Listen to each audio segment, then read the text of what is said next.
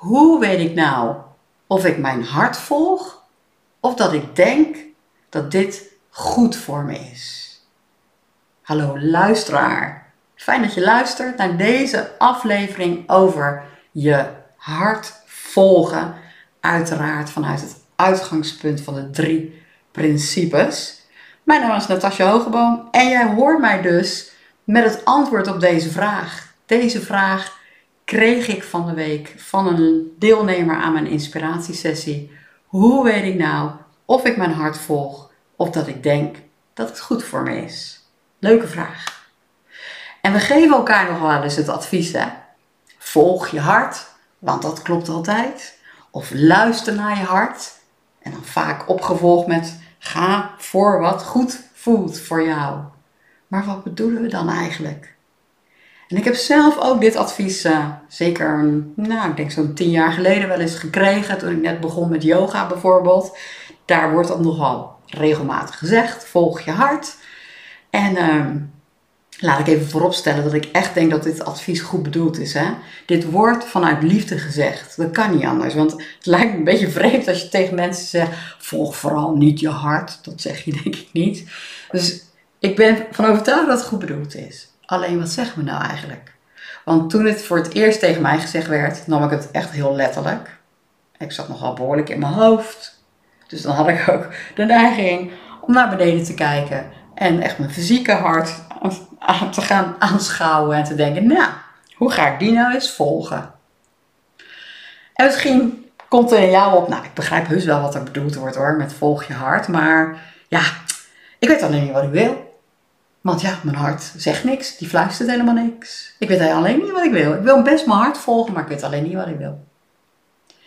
Of er komt misschien wel in jou op van ja, oh, ik, uh, ik moet al zoveel. Moet ik nou ook nog eens mijn hart volgen? En dan moet het ook nog kloppend zijn. Dus het moet ook nog perfect zijn.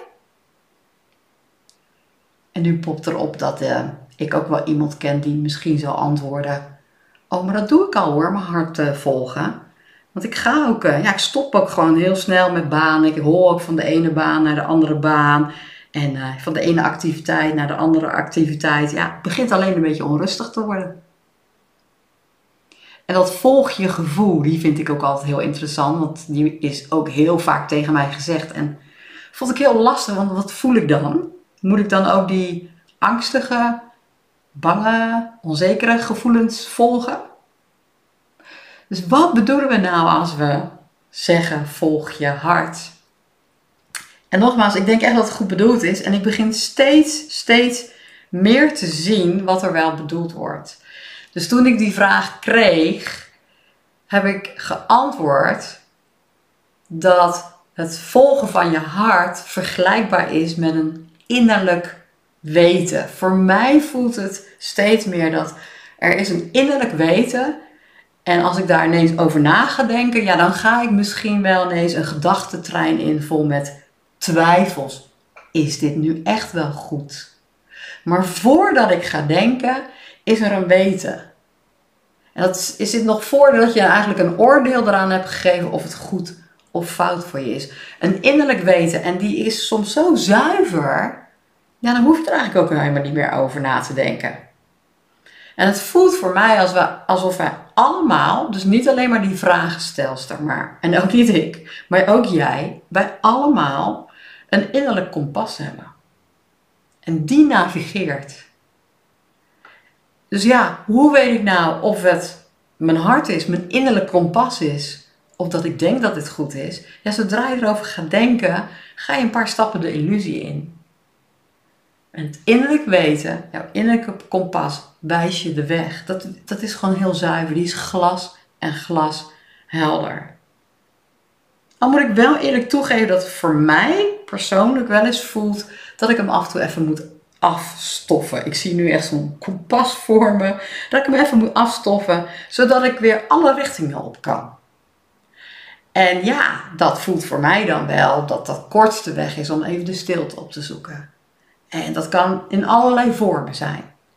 Maar die innerlijke kompas heb je altijd. Dus ook in de chaos.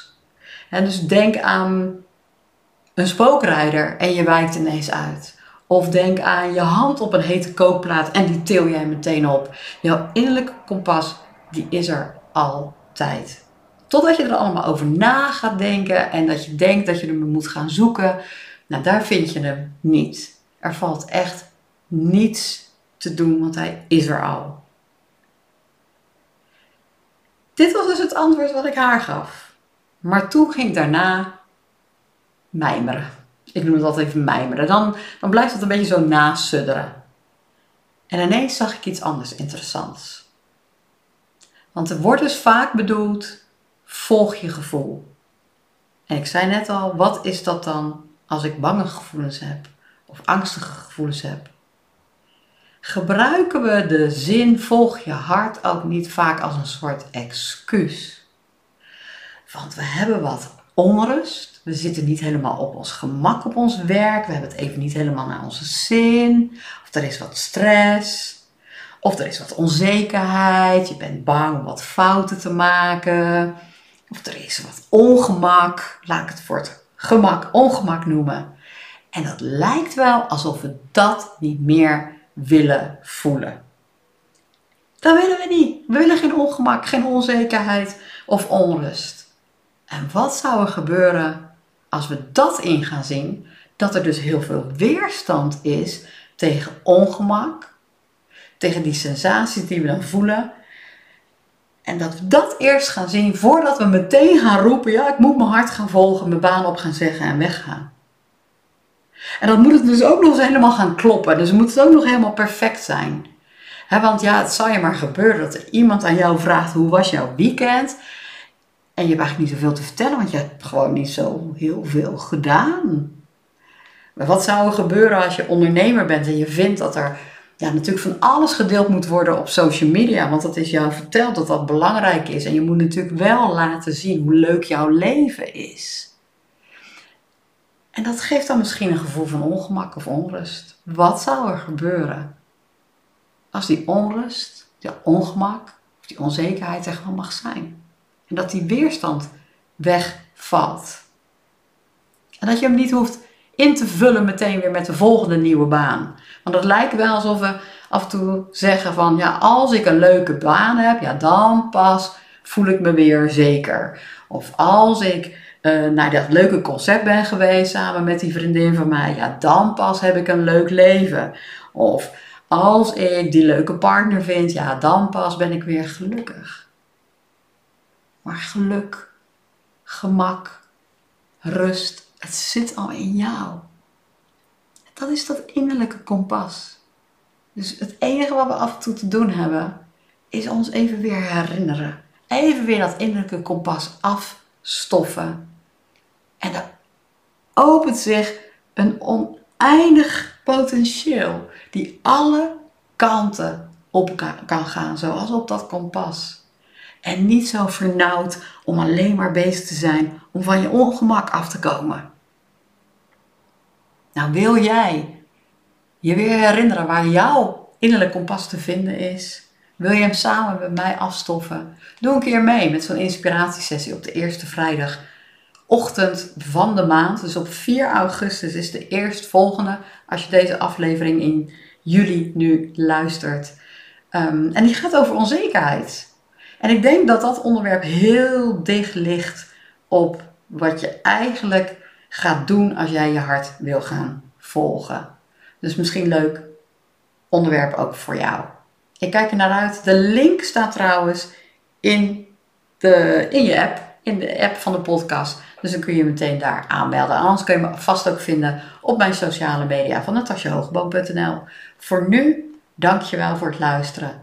En uh, of je nou wel of niet je hart volgt, je hart klopt, ook als je er niet aan denkt.